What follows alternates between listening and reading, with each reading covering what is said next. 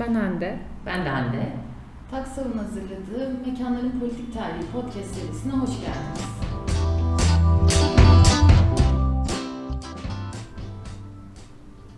Merhaba. Bugünkü mekanımız Tarla. Bu bölümde Ali Bülent Erdem'le konuşuyoruz.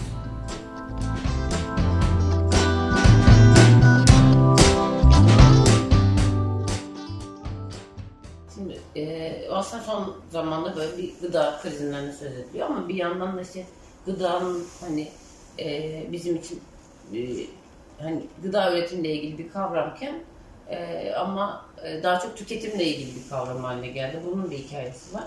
Bir yandan da işte endüstri üretim, işte şirketlerin hani tarım üzerindeki hakimiyeti, e, iklim krizi gibi etkilerin yarattığı sonuçlar var.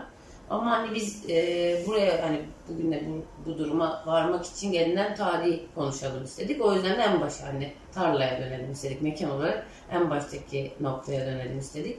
O yüzden hani bugün mekandan politiklerini tarlayı konuşacağız.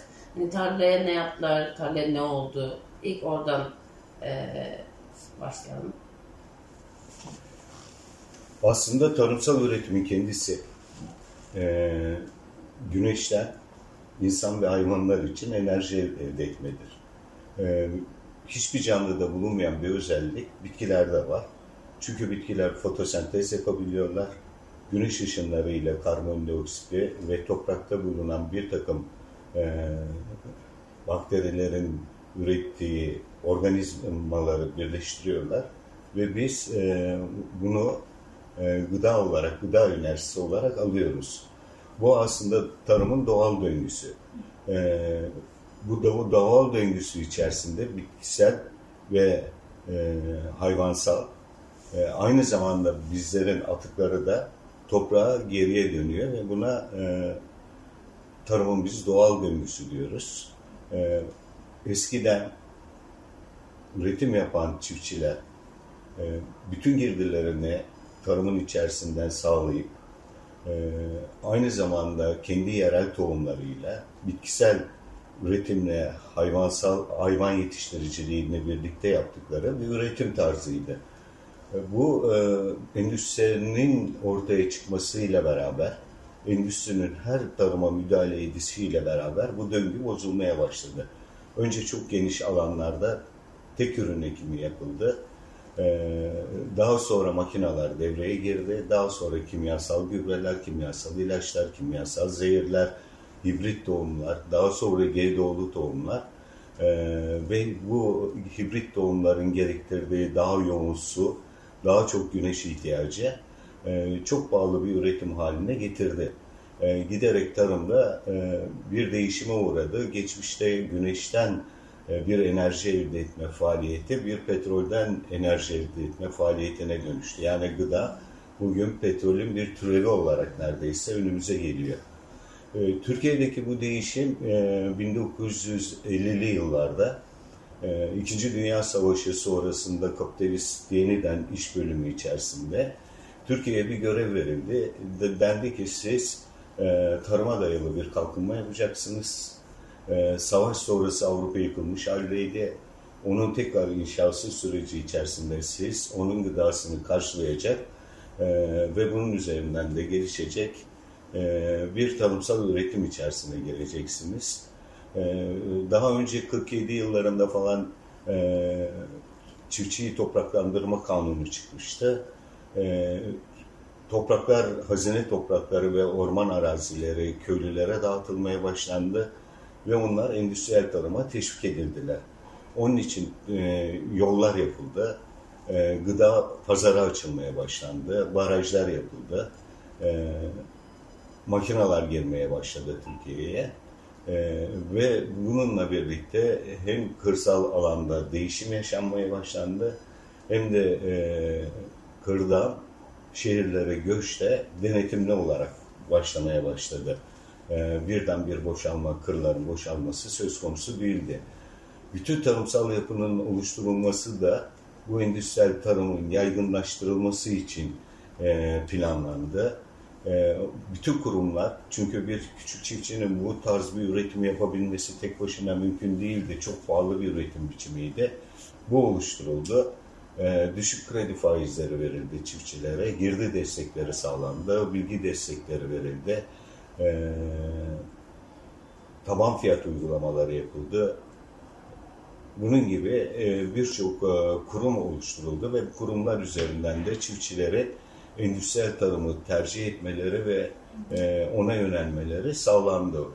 Bu 1980'li yıllara kadar Türkiye'deki tanımsal yapı böyle gitti. 1980'lerden sonra ise neoliberal dönemle birlikte e, bu kez bu tarımsal yapıları oluşturulmasını ve endüstriyel tarımı bize dayatanlar e, dediler ki e, çiftçileri destekleyen bütün bu tarımsal yapılarınızı dağıtın.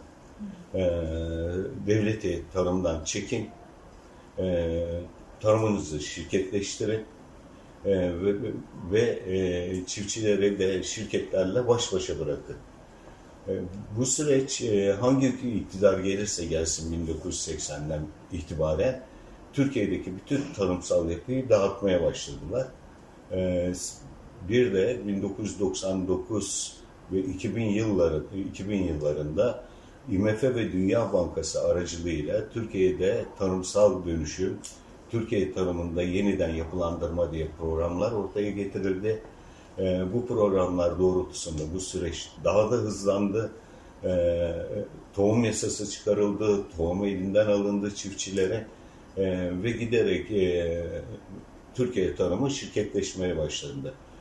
E, Türkiye tarımı şirketleşirken e, artık üretemeyecek durumda olan çiftçiler topraklarını terk ettiler. E, bir bölümü de ısrarla üretmek istiyorlarsa şirketlere bağımlı halde sözleşmeli üreticilik yapmaya başladılar. Şirketlerle sözleşmeli üreticilik yapan çiftçiler tohumu ondan aldılar. Kimyasal ilaçları, kimyasal gübreleri ve ihtiyaçlarını şirket karşıladı bütün üretim süreci içerisinde ne yapacağını şirketler ona tarif ettiler.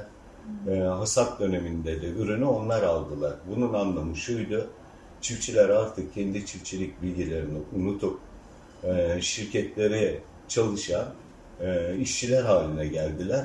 E, ya topraklarını terk ederek en güvencesiz işlerde çalışmaya başladılar ya da kendi topraklarında şirketlerin adına işçileşmeye başladılar. Türkiye tarımında, tarlalarda da olan değişim aslında özetlersek tarihsel olarak böyle bir süreç.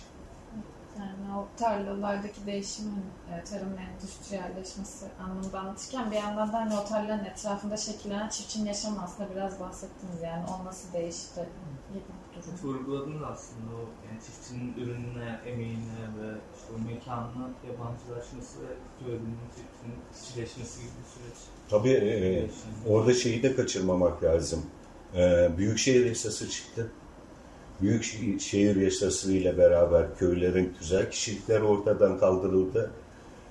Onların ortak mal varlıkları belediyelere devredildi.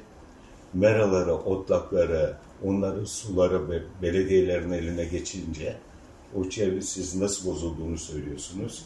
Oraları madenlere e, ve inşaat sektörüne devredilmeye başlandı. E, artık ortak malı kalmamıştı. Köydeki yaşam biçimi de beraberinde ona uygun olarak değişti. Tabii endüstriyel tarımın kendisi çiftçilerin yaşamında da değişiklik sağladı.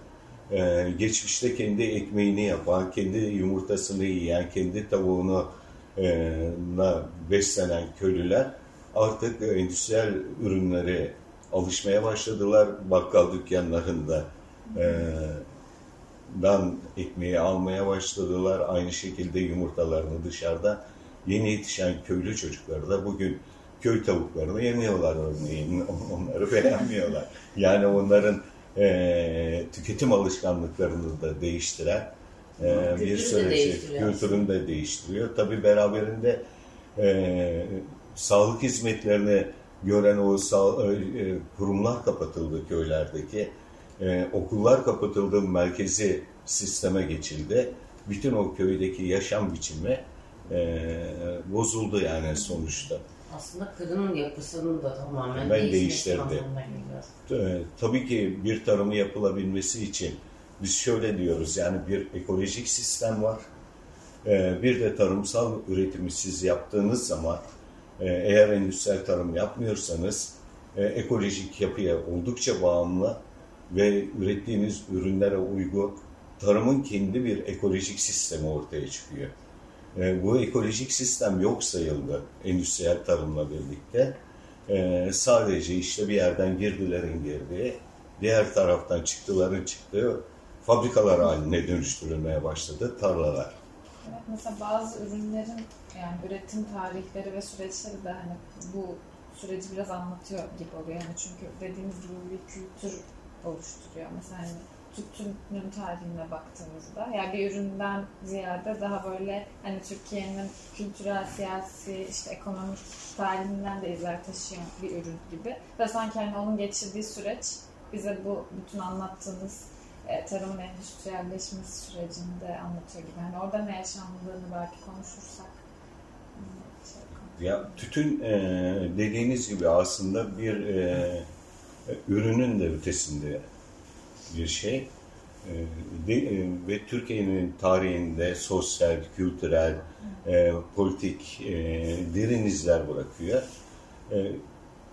İlk defa tütün bu topraklara 1600'lü yılların başında geliyor. Bütün dünyada olduğu gibi gelişiyle beraber de yasaklanıyor. Dördüncü Murat dönemi. Tütün içenler katlediliyorlar. Aşağı yukarı o dönemde 60 bin insanın tütün iş kullanılması gerekçesiyle katledildiği söyleniyor. Ama bu öyle bir şey ki dünyanın her yerinde sonuçta yasaklamalarla buna ölüm cezaları da verseniz engelleyemeyeceğinizi fark ediyorsunuz. Çok yaygın bir biçimde yapılıyor. O zaman devletler şunu yapıyorlar. Diyorlar ki öyleyse biz bunu denetleyelim. Ee, üretiminden pazarlamasına kadar bütün bir süreci denetleyen, yüksek vergiler koyan ve bunu, bu anlamda da e, yüksek gelir elde eden devletin vergiler üzerinde bir sisteme oturtturmaya çalışıyorlar. Osmanlı'da da 1600-1680'li e, yıllarda e, tütün denetlenmeye başlanıyor. E, fakat Türkiye'nin topraklarının özellikleri tütüne ayrı bir şey katıyor. Farklı özellikler katıyor. Yaprakları çok inceliyor. Kendine has kokusu var. Dünyanın bütün aranılan tütünleri haline geliyor e, Türk tütünleri. Biz buna oryantal tütünler diyoruz. E, ve e, Osmanlı'nın önemli kaynaklarından birisi e, tütün gelirleri.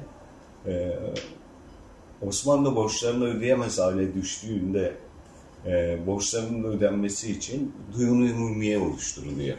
Bütün borçları ödeyecek tek bir merkeze alınıyor. O zaman tütün, e, tuz e, gibi tekerler duyunu umumiyeye veriliyor. E, ve reji diye bir e, sistem kuruluyor, şirket kuruluyor. Bu kendine has 7 bin kişiden oluşan bir kolcular oluşturuyor. Bu kolcular hem kaçak tütün üretenlere hem de kaçak tütün içenleri denetliyorlar. O dönem içerisinde de e, 20 bin ile 60 bin arası söylenen e, aslında tam bugün rakamı bilinmeyen e, kişinin katledildiği tütün nedeniyle biliniyor. E, ve Cumhuriyet'in kurulması ile birlikte 1925 yılında reji satın alınıyor devlet tarafından. 4 milyon liraya satın alınıyor. E, ve ondan sonra teker oluşturuluyor Türkiye'de. E, bütün e, tütünün üretimini, pazarlamasını, denetlemesini bu kurum üzerinden yapılıyor. E, ve 1960'lı yıllara kadar Türkiye'nin e, ihraç ettiği ürünlerin %25'inin gelirini tütün sağlıyor. Yani Cumhuriyet'in kuruluşunda çok büyük roller oynuyor e, tütün. E, devlet içerisinde devlet gibi oluyor. Bu kadar büyük yani. En köyde bile bayilikleri olan e, büyük bir kurum e, teker. E, bu tarımda değişen liberalleşme ile beraber e, her zaman olduğu gibi çünkü tütünün bir özelliği var. Dünyanın her ülkesinde yetişmiyor ama dünyanın en ücra köşesinde dahi tüketiliyor. E, hızla yayılan bir ürün e, şirketler gözlerine hemen diktikleri ilk ürünlerden biri tütün oluyor. E, ve e, 99 yılında Türkiye IMF ile yaptığı 17. Stand-by anlaşmasında e, şu sözü veriyor. Biz tekeli üçe böleceğiz. Tuz, e, alkol e, ve sigara bölümlerine e, ve bunları özelleştirmeye hazır hale getireceğiz ve özelleştireceğiz. E, bu 2002 yılında tütün yasası çıkıyor. E, Cumhurbaşkanı veto ediyor. Bütün bu vetoya rağmen kabul ediliyor. E, arkasından e, alkol bütün bu üç bölüme ayrılıyor. E, alkol bölümü özelleştiriliyor. Daha sonra tekenin kendisi özelleştiriliyor. En sonunda da 60 tane yaprak işleme müdürlükleri kapatılıyor. E, tütün e, tarladan bahsettiğimiz için e, diğer ürünlere benzemeyen bir ürün. E, o, o dönem için özellikle e, bir tütünün üretilebilmesi için 14 ay gerekiyor, uğraşıyor yani bir ürün için. E, bir aile 7'den 70'e kadar herkes çalışıyor tütünde. Yani küçük 7 yaşındaki çocuk bile tarlada yapacağı işi var. E, bütün bir aile onunla uğraşıyor. Tam bir aile tarımı. Kıraç topraklarda yapılıyor. E, bu tütün üretimini siz önce fidesini yetiştiriyorsunuz, sonra toprağı ekiyorsunuz, e, sonra kırıyorsunuz, diziyorsunuz, güneşte kurutuyorsunuz, e, yapraklarını ayırıyorsunuz, e, balyalıyorsunuz ve e, sizden teker gelip alıncaya kadar e, onu siz koruyorsunuz. Bütün sorumluluğunuz da size ait. E, aynı zamanda tekel bunu yaparken şunu da yapıyor. E, taban fiyatı belirliyor. Bir de taban fiyatı belirliyor. Bu taban fiyatının altında hiç kimse tütün alamıyor. Tüccar da alamıyor. E, eğer bunun altında fiyat verirlerse ben alacağım diyor devlet. E, tüccar almaya çalışırken hep tekelin verdiği fiyatın üstünde alıyor. Bu anlamda da sosyal bir yönü var. Ee, evet, üretici anlamında. Tabii çok e, zor bir üretim tarzı olduğu için acılı bir üretim tarzı aslında. E, yetiştirene de acı veriyor, içene de acı veriyor. Böyle özel bir üründen biz bahsediyoruz. Bu sözleşmeli üreticiliğe geçiliyor 2022 yılında ama zaten denetimi tek başına tekelin olduğu için sözleşmeli üreticiliğe geçmesiyle birlikte tekel piyasadan çekiliyor. Çok uluslu şirketlere bırakılıyor. Yani bizim bildiğimiz o dev aslında kriminal şirketler. Onların her biri Marlboro'sundan, Philip Morris'inden tutun Batın'a, GTI'sine kadar. E, bu kriminal şirketlerin belirlediği e, tüccarlar üzerinden köylere geliniyor. Köylerde e, üreticilerle sözleşme imzalanıyor. E, sözleşme deyince karşılıklı bir anlaşma falan yok. Belirlenmiş matbu bir evrak var. Siz bunu imzalarsanız tütün üretiyorsunuz, imzalamazsanız tütün üretemiyorsunuz. Fiyatı her zaman maliyetin altında belirliyorlar. Maliyetin altında belirledikleri için tütüncüler geçmişte kazandıkları paraları kazanamamaya başlıyorlar.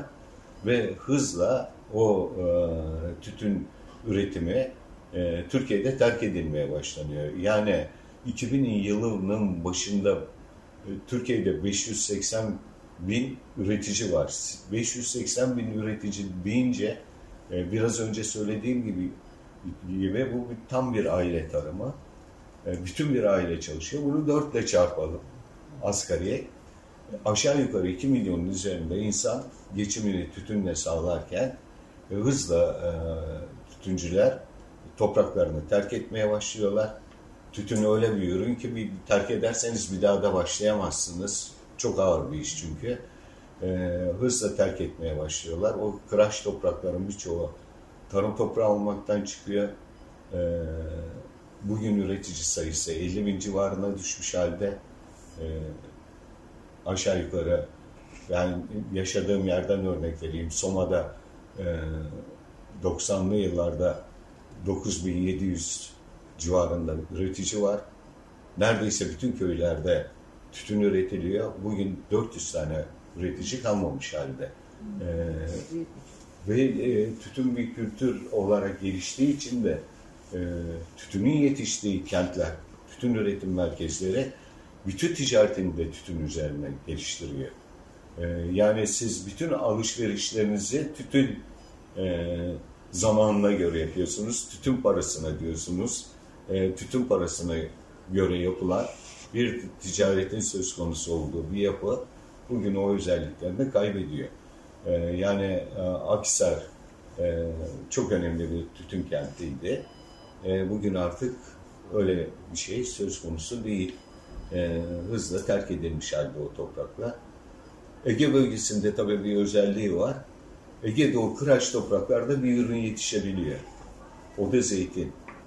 E, o toprakları e, şu anda e, zeytine dönmüş haldeler ama tütün e, aile tarımı olarak yapıldığı için çok küçük alanlarda yapılıyor. Yani 10 dönüm civarında e, yapılıyor. Daha fazlasını yapamaz zaten. En kaba daya 15 dönüme falan yapabilir. E, o zeytini dikmesine rağmen hem zeytinin gelişme süreci hem de zeytinden kazanacakları bir ailenin geçimini sağlayamayacağı için onlar da hem mülksüzleşmemiş olarak işçileşmeye başlıyorlar. Bu sefer e, Soma'da olduğu gibi madenlere girmeye başlıyorlar. Hiç bilmedikleri bir alan. E, bir e, işçi gelenekleri yok. Örgütlenme gelenekleri yok. Hep devletle bağları güçlü olmuş bugüne kadar. Tekel üzerinden kurmuş bütün bir ilişkiyi. Oradaki sendikayı bile bir devlet kurumu zannediyorlar. Ee, o vaziyette madene giriyorlar. Halklarına bilmediğin madene giriyorlar.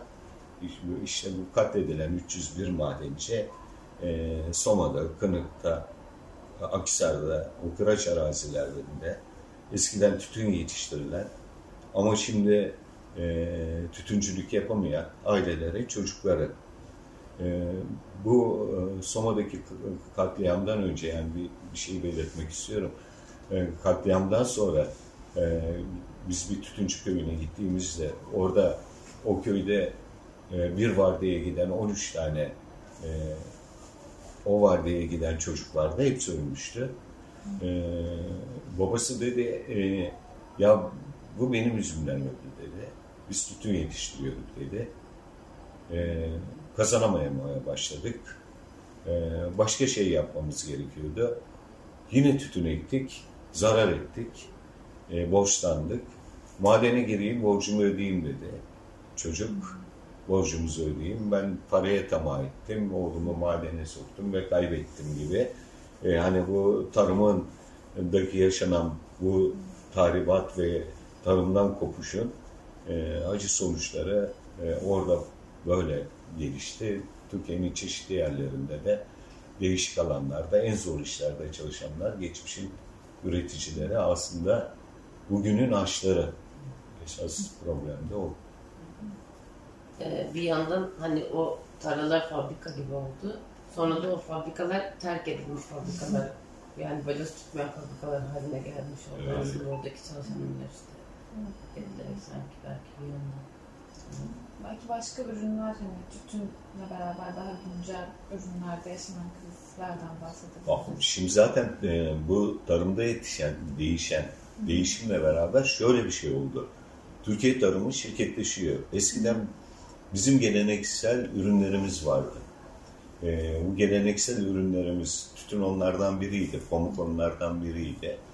E, bu geleneksel ürünlerimiz e, şirketlerin istediği biçimde bu desen değişmeye başladı. Bütün bizim bir ürün desenimiz değişti. Ee, endüstriyel hayvancılık gelişti. Endüstriyel hayvancılıkla beraber e, bu kez e, böyle olmayan bir biçimde o pamuk tarlaları, o sulu tarım yapılan tarlaların hepsinde mısır var şu anda. E, bütün bir ürün deseni değişiyor. E, ürün deseni değiştiği için de aynı zamanda biz kendi geleneksel yemek kültürümüze uygun ürünlerimizi üretemez duruma geliyoruz. Ee, esas olan endüstriyel tarımda birim alandan en fazla ürünü almak olunca hangisi olursa olsun bizim ihtiyacımız olmasa dahi e, onu üretmeye başlıyoruz. E, onun sonucunda da bugün e, buğdayda ve ayçiçeğinde yaşadığımız sorunları yaşıyoruz. E, buğdayın genetik kaynaklarının e, olduğu nadir yerlerden biridir Anadolu. Hatta rivayette de e, ilk defa buğday üretiminin e, Anadolu'da yapıldığı e, Mezopotamya'nın üst kısımlarında o e, bereketli hilal denilen bölgede geliştiği e, topraklarda biz şu anda kendimize yeterli miktarda buğday üretemez duruma geldik. E, ve e, o çok geniş alanlarda e, Ukrayna, e, Rusya, e, Amerika, Kanada, e, Arjantin, Brezilya gibi yerlerde çok geniş alanlarda o makinalı tarımla, endüstriyel tarımla yapılan e, yoğun üretimler sonucu orada oluşan o buğday dağları nedeniyle e, biz buğday üretimimizden vazgeçme noktasına geldik. Eski Tarım Bakanı bile e, şunu söyledi, ya ne olacak ki bizim paramız var, ithal ederiz. E, şimdi paramız e, var ama ithal edemiyorsunuz savaş nedeniyle. E, ve e, bugün çok ciddi bir gıda kriziyle karşı karşıyayız. Herkes şöyle söylüyor, gıda krizi geliyor, gıda krizi gelecek, gıda krizi olacak. Aslında biz gıda krizinin tam da içerisindeyiz. Çünkü üreticiler üretemiyorlar. E, tüketiciler de ürünlerde raflar raflar dolu olsa bile, ithal edilse bile o ürünlere ulaşma şansı giderek ortadan kalkan, üretemeyenin e, e, hem de ulaşamamanın ortaya çıkarttığı bir gıda kriziyle yaşıyoruz. Bugün hani bugün açları dedik ya aslında tamamen herkes bir yandan tüketiciler de bugün açları haline geliyor. Bu şeyi e, hani e, dedik o fabrikalaşma ve hani bir yandan da hani bütün ürünlerin hepsi e, kendi mekanından çıktıktan sonra bütün mekanları belirliyor. İşte sofrayı belirliyor, kültür belirliyor, yediğimiz işte şey belirliyor, gıdayı belirliyor. Çünkü gıda da bizim kültürümüz belirliyor sonuçta. Evet. E, tarım bizim kültürümüz belirliyor. O sofradaki ürün değiştikçe bizim kültürümüz de değişiyor. Ya da mesela üreticinin kendisi kendi ürününü tüketirken bir anda işte dışarıdan almaya başlarken oranın kültürü değişebiliyor. Ee, şeye baktığımızda işte gıda krizi e, işte, ne bileyim Arap bu, bu Arap isyanlarında hani temel şeylerden biri olarak söyleniyor. Aslında orada hani devletlerin e, süreçlerini belirliyor ya da hani e, halkların süreçlerini belirliyor. Aslında birçok e, mekanı da değiştiren bir e, tanrıdan çıkan şey bütün mekanı değiştiren bir nokta haline geliyor. Bir yandan da böyle bir tarih var. Hani e, bugünkü belki işte buğdayda e, hani ayçiçek yanında yaşadığım şeylerden biri de ya da bizim gıda krizi olarak tarif edilmiş Tabii ki yani esas olarak şöyle yapıyorlar zaten. Biraz önce tütünden bahsettim. E, tütünden bahsederken siz kendi üretim tarzınızı terk edebilmeniz için öncelikle sizin damak tadınızı değiştirmeleri lazım. 1970'li yıllarda e, Bulgaristan'da Philip Morris bir fabrika açıyor. Kaçak olarak Türkiye'ye devamlı kaçak sigaralar pompalanıyor. E, bu kaçak sigaralar pompalandığı zaman e, tütün üreten üretici bile e, bu kaçak sigaraları içmeye başlıyor. O kaçak sigaralar Amerikan armanı dediğimiz sigaralar. Önce damak tatlarını değiştiriyorlar tüketicini. Sonra da e, yok ediyorlar. Gıdada da yaşanan o. E, yani gıda hakkı dediğimiz bize Birleşmiş Milletler'in kabul ettiği her ülkenin e, kendi kültürlerine, kendi geleneklerine, kendi yemek kültürlerine uygun tohumları e, geliştirme, e, onları üretme e, ve o gıdalara herkesin, orada bulunan herkesin, ülkede bulunan herkesin ya maddi olarak ya da doğrudan ulaşım hakkıdır. Şimdi bizim aslında gıda hakkımız ortadan kaldırılıyor. Yemek kültürümüz değiştiriliyor. Önce o damak tadı değiştiriliyor. Çünkü e, siz yerel e, çeşitlerinizi ortadan kaldırıp e, hazır gıdaları hepsinin e, bütün dünyadaki hazır gıdaları aynı tat haline getiriyorsunuz. Dünyanın neresine giderseniz gidin. Artık domates aynı domates. E, neresine giderseniz gidin. Aynı elma. Neresine giderseniz gidin. Aynı buğday. E, bütün tatları tek tat haline dönüştürüyorlar. Ve bizi bu tata alıştırıyorlar. Ve bunun üzerinden de tarımsal yapıyı değiştiriyorlar. E, esas tehlikenin kendisi burada. Bizim ısrarla e, tüketicilerin yapması gereken de şu, siz hangi e, gıdayı tercih ediyorsanız aslında siz bir oy veriyorsunuz. Ya şirketlerden yana oluyorsunuz ya da kendi e, yerel tohumlarınızla üretim yapmaya ısrarla devam eden çiftçinin yanında oluyorsunuz. Onun için her seçim, gıda üzerinde her seçim politik bir tercih. E, bunun çözümü de e, bütün e, buna gıdayı üretenleri ve gıdaya ihtiyaç duyanları birlikte kendi gıda sistemini kurması üzerine e, düşünmek gerekiyor. Yani şu anda şirketlerin gıda sistemi kurulmuş halde bu şirketlerin gıda sisteminin karşısında da halkın gıda sisteminin kurulması lazım. Buna da biz zaten gıda egemenliği diyoruz. Ee, eğer bunu biz inşa etmeyi ve beraber mücadele etmeyi becerebilirsek e, hem e, geleceğini, insanlığın geleceğini kurtarma şansımız var. Çünkü o kültürlerin devam etmesi gerekiyor. E, zaten bu tarz bir üretime artık doğanın kendisi, yer kürenin kendisi dayanamıyor. Bu küresel iklim değişikliklerine, bu ekolojik yıkımlara karşı mücadele edebilmenin yer küreni soğutabilmenin yolunda tarımı gerçek yerinde de doğal döngüsüne döndürebilecek e, bir sistemin kurulması ile ilgili. Bu şey düşündüm hani kendi kültürü belirlemesi gıdanın hem de hani mekanı belirlemesi. Mesela hani son bu zeytin e, şeylerinin hani maden şirketlerini açık hale getirmesi kararı biraz şey gibi hani zeytin hani sizin de hani sanırım yazılarınızda bahsettiğiniz böyle bir ülkenin, toprağın kültürüyle çok iç içe. Hani oraya bağlı olmak, orada olmak kültürünü hem temsil ediyor hem hani damak tadı denince belki bu toprakların hani damak tadının en belirleyici şeylerinden biri. Bir yandan da şey açılıyor hani enerji politikalarının hmm. şeyine hani tavanını açıyor gibi böyle bir aslında çarpıcı bir durum gibi bu dönüşümde. Enerjiyle çok bağlantılı bir yandan. Fosil yakıta dönme şey var çünkü enerjide enerji şirketlerinin e, var mı bir anlaşma politikasının olmamasıyla alakalı. Şimdi e, zeytin tabii ki bir, bir e, kültür. E, dikkat edin yani şöyle bir baksak bile dünyanın en yakın ülkelerinin nerede biz hissediyoruz? Hangi halkı hissediyoruz? O hissettiğiniz halkları düşünün orada zeytin yetişiyordur. Böyle bir kültür bu. Ee, onun için zeytinle karşı mücadele de e, sadece zeytin üreticilerinin değil, o kültür içerisinde olan insanların ortak mücadelesi halinde gelişiyor. Onun için zeytin yasalarını değiştiremiyorlar. Yani 1930'lu yıllarda çıkmış bir yasayı değiştiremiyorlar.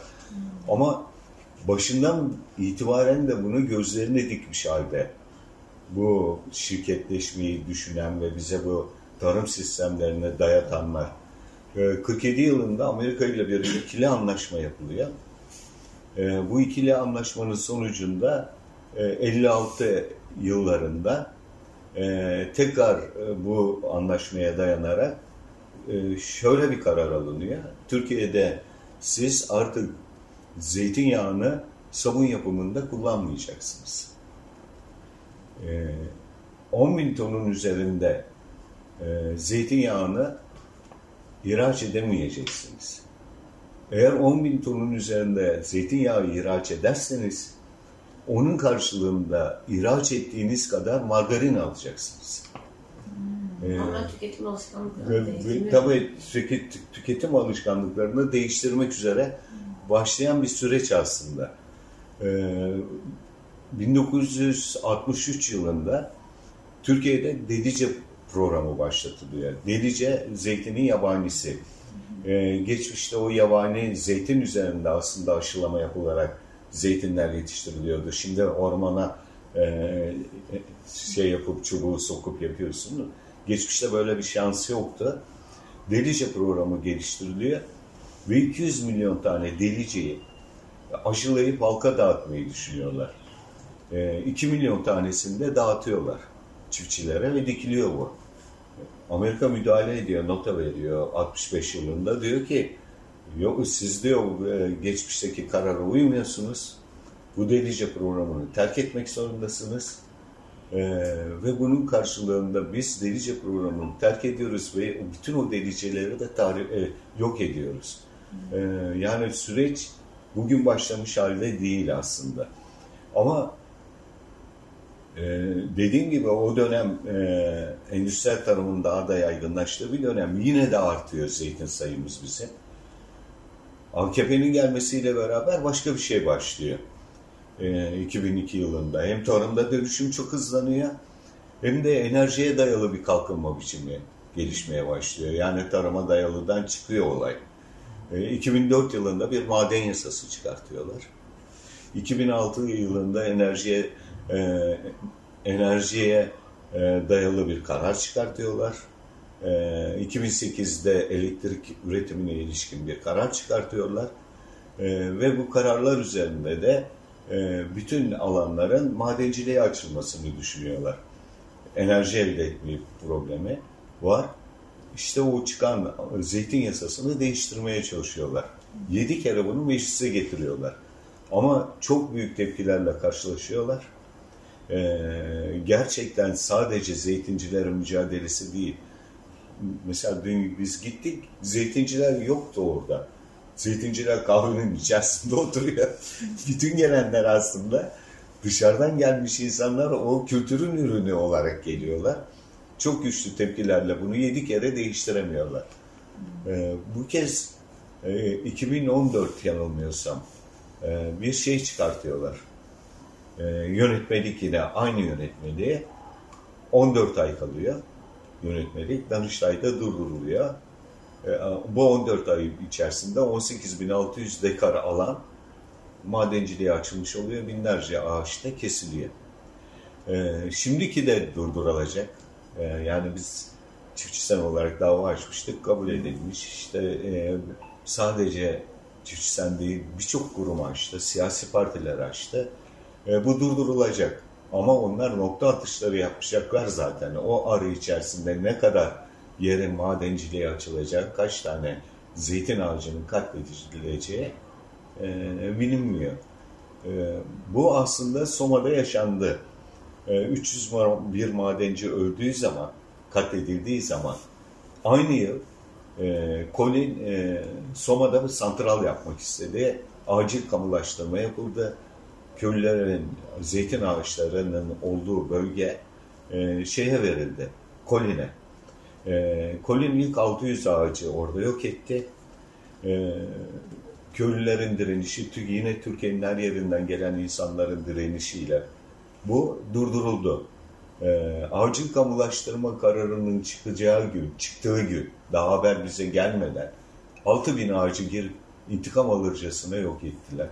6600 ağaç yok edildi yani. E, fakat bu kez 5-6 kilometre yukarısında 5 tane köyün ortasında bir plato var. Orası tütüncü bölgesiydi. E, tütün yasasıyla beraber o kıraç topraklarda üretemedikleri için o tütüncü aileler geçmişte o bir karış toprağı için canını veren, insan katleden, ona tahammül edemeyenler o termik santralında çalışabileyim diye o termik santralında oluşan madenlerde işçi olabileyim diye tarlalarını sattılar ve orası kuruldu. Aslında e, şöyle bir şey de yaşanıyor. E, tarımın tahrip edilmesi e, ve üretemez duruma düşenler o kendi çevrelerindeki o ekolojik yıkama karşı orada çalışma çabasıyla onu savunmaktan da vazgeçme tehlikesi var. E, böyle bir süreci biz yaşıyoruz aynı zamanda. Birçok yerde e, esas özneler olarak o mücadeleye direnenler köylüler olmasına rağmen bazı yerlerde e, bu tür gelişmeler oluyor. Şey, bu tarla aynı zamanda sınır demek ya böyle Evet. o sınırlar yok edildiğinde sanki hayatlarının sınırları da yok edilmiş gibi oluyor. Hani o direnç sınırları da yok edilmiş gibi oluyor. Belki onunla alakalı hissi verdi. Yani birçok şey konuştuk aslında. Ben biraz daha umut dolu bitirmek şey, yani bahsettiniz aslında bu Umut dolu şöyle yapalım o Ya zaman. Bunun örnekleri var mı dünya üzerinde? Şimdi şöyle yapalım. Ee, şimdi. Bütün bunları yapanlar aslında gıda güvencesini ortadan kaldırıyorlar. Yani gıda güvencesi dediğimiz şey bize herkesin gıdaya doğrudan veya e, maddi olarak ulaşabilme hakkı. E, eğer sizin bu varsa gıda güvenceniz var demektir. Örneğin Türkiye'de gıda güvencesi bugün ortadan kalkıyor. E, yine bunlar bir yöntem buluyorlar. Gıda güvenliği diyorlar. Gıda güvenliği dedikleri şey de e, bir gıdanın tarlada e, elde edildikten sonra işlenmesi ve bizim soframıza gelinceye kadar ki süreç içerisinde sağlığını e, yani sağlıksız e, kullanılabilir olmaktan bir gıda olmaktan çıkıp çıkmadığına yönelik e, denetim süreci. Teknik bir mesele. Burada iki şeye bakıyorlar. Bir kendileri kodeksler hazırlıyorlar. Diyorlar ki işte burada şu kadar şu kadar şu kadar ilaç kalıntısı olmalı. Bunun üstünde olmamalı. Ee, içinde metal parçaları, taş parçaları gibi şeyler olmamalı diyorlar. Örneğin ama bir tavuğun senin önüne gelinceye kadar sağlıklı olup ee, o bozulmamış olmasını kontrol ediyorlar ama o tavuğun nasıl yetiştiğine örneğin bakmıyorlar. Yani onun bütün kapalı alan içerisinde hiç dışarıya çıkmadan, güneş yüzü görmeden e, o üretim süreci onları hiç ilgilendirmiyor. E, bir teknik mesele olarak gelişiyor. E, buna da gıda güvenliği deniyor. 96 yılında e, Roma'da yapılan gıda zirvesinde dünyanın bütün küçük çiftçilerinin örgütü olan Lavie kampanyasına diyor ki gıda güvencesini ve gıda güvenliğini sağlayacak olan esas gıda egemenliğidir. Ee, gıda egemenliğinin kendisi e, bunu sağlayabilir.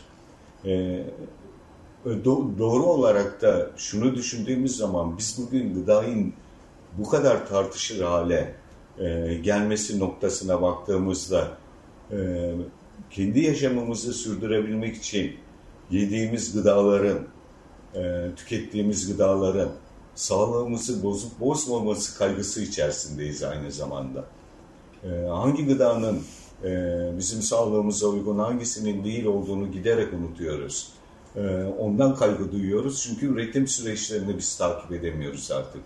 Geçmişte hani siz mekan sorunu diyorsunuz, e, nasıl üretildiğini biz gözümüzle görüyorduk. Şimdi o giderek bizden uzaklaşıyor uzaklaştığı için o kaygıyı yaşıyoruz. O zaman diyor ki Lavia kampanyasına e, bir gıdanın güvenilir ve güvenilmez olduğunu belirleyen esas olarak onu kimin ürettiğidir. Ona bakmamız lazım. Bu küçük çiftçiler. Nasıl ürettiğidir? Yani endüstriyel olarak mı üretiyor yoksa tarımın doğal döngüsü içerisinde mi üretiyor? Bir, ikinci olarak buna bakmak lazım diyor. Üçüncü olarak da eee, bu gıda bize nasıl geliyor? Yani Amerikan kıtasından o karbon ayak izi dediğimiz daha çok enerji harcayarak mı geliyor? Yoksa o e, bizim yetiştiğimiz ilçenin e, pazarından bizim tüketeceğimiz ürünler mi geliyor? Yani esas belirleyici olan bu üç şey. E, bunun üzerinden biz üretim yapabilirsek e, bir, bir gıda egemenliği diye tarif ediyor bunu. E, ancak e, hem insanlığın geleceğini kurtarırız e, hem de sağlıklı gıdalara ulaşabiliriz. E, ve bunu e, daha sonra gıda egemenliği meselesi e, bütün dünyada gelişmeye başlıyor. E, 2006 yılında da Mali'de gıda egemenliği toplantısı yapılıyor. E, Mali'de yapılan gıda egemenliği toplantısına dünyanın her yerinden 600 delege katılıyor. Sadece bunlar küçük çiftçiler değil, ekolojistler var, göçerler var, balıkçılar var. E, köyünde yapılıyor ama Niyeleni köyünü o gelenler kuruyorlar aslında. Adında Niyeleni diyorlar. Çünkü Afrikalı Niyeleni aldığında bir kadın. Ee, bu e, ailenin tek kız çocuğu, erkek çocuğu olmadığı diye aile küçümseniyor. Ee, tek kız çocuğu olduğu için de Niyeleni erkeklerin en iyi yaptığı iş olan tarımda erkeklerle yarışmak istiyor. Ee, onlarla bir yarışa giriyor ve birçok doğumu ıslah ediyor. Afrika'da büyük bir kuraklık yaşanıp açlık yaşandığı zaman Niyeleni'nin ıslah ettiği tohumlar binlerce insanı kurtarıyor. Ve Niyeleni adı Afrikalılar açısından çok önem taşıyor. Niyeleni değinince tam onun karşılığı aslında gıda egemenliği olduğu için toplantının adına Niyeleni toplantısı deniyor. Ve ondan sonra dünyada yapılan bütün gıda egemenliği toplantıları Niyeleni toplantıları olarak anılıyor. Ee, çeşitli yerlerde yapılıyor bu. Ee, Türkiye bütün hepsine katılıyor. Ee, çeşitli delegasyonlarla. Mesela son yapılan Romanya'daydı. Ee, buradan 45 delegasyonla beraber gittik biz. Ee, ve giderek aslında yaygınlaşan e, ve gıda egemenliği mücadelesini yaygınlaşan e, ağlar kurulmaya çalışılıyor. E, bugün Türkiye'de yapılması gereken de aslında gıda egemenliği mücadelesini geliştirmek. Şimdi gıda egemenliği mücadelesi sadece küçük çiftçilerin yapacağı bir mücadele değil. Aynı zamanda bu tüketicilerin, sağlıklı gıdaya ulaşmak isteyenlerin de mücadelesi. Aynı zamanda göçerlerin de bir mücadelesi, kıyı balıkçıların da bir mücadelesi. Bunları ortak bir e, mücadele haline dönüştürmek gerekiyor. E, bugün Türkiye'de e, ekolojik yapımın, e, yapının e, tarif edilmesine karşı birçok direniş oluyor. Bugün zeytine karşı yapılıyor Türkiye'nin çeşitli yerlerinde. Aslında bunlar hepsi gıda egemenliği mücadelesinin bir parçası. Ama bir gıda egemenliği yapanlar bile bunu yaptıklarının gıda egemenliği mücadelesiyle bir ilgisi olduğunu birçoğu bilmiyor. 2018 yılında da Lavia kampanyasına e, Birleşmiş Milletler Genel Kurulu'na e, köylülerin ve kırsalda yaşayanların hakları diye bir bildirge getiriyor. Bu bildirgede e, herkesi kendi yerel tohumlarıyla, temiz topraklarda, temiz sularda sahip olması, uygun ekolojik koşullarda üretim yapma ve e, köylü kadınları dahil herkesin haklarının olduğu bir bildirge bu. E, oylanıyor, kabul görüyor. Türkiye burada çekimsel oy kullanıyor 2018'de. E, biz ısrarla e, iç hukuk düzenlemesi yapılmasını istiyoruz. Madem ki e, Birleşmiş Milletler Genel Kurulu'nda şey yapıldı. Aslında bugün e, Türkiye'deki bu yaşanan gıda krizini de e, bizim kendi kültürümüze uygun gıdaların üretilebilmeye hakkı da e, bu bildirgenin kendi içerisinde var. E, bu bildirgenin uygulanması için bir mücadele, ortak mücadeleyi örgütlemek aslında gıda sistemini değiştirmek için çok ciddi bir adım. Ee, böyle bir sürecin örgütlenmesi gerekiyor. Israrla da e, bunda ısrar edip böyle bir süreci örgütlemekte e, e, çalışmak lazım. Tabii şöyle bir problem de var. Bugün girdi fiyatlarının çok yüksek olması endüstriyel tarım yapan çiftçilerin de artık üretemez hale gelmesini gerek durumuna düşürüyor. Ee, biz şunu istemek zorundayız. Yani onlar endüstriyel tarım yapmış olsa dahi şu anda. Ee, bu girdi fiyatlarının desteklenmesi lazım, çiftçilerin desteklenmesi lazım. Yoksa gerçekten aç kalacak. Türkiye daha çok gıdaya bağımlı hale gelecek. Ama bir şey daha istememiz lazım bizim. Esas olarak siz yerel tohumları yasakladınız, bu yerel tohumları serbest bırakın. Bu tohumlar üzerinden e, doğanın, e, tarımın doğal döngüsü üzerinden üretim yapan çiftçileri de onu diğer desteklerin iki misli destekleyin. Çünkü onu hiç desteklemiyorsunuz. Siz yerel tohumla üretim yapınca hiçbir şeyden faydalanamıyorsunuz.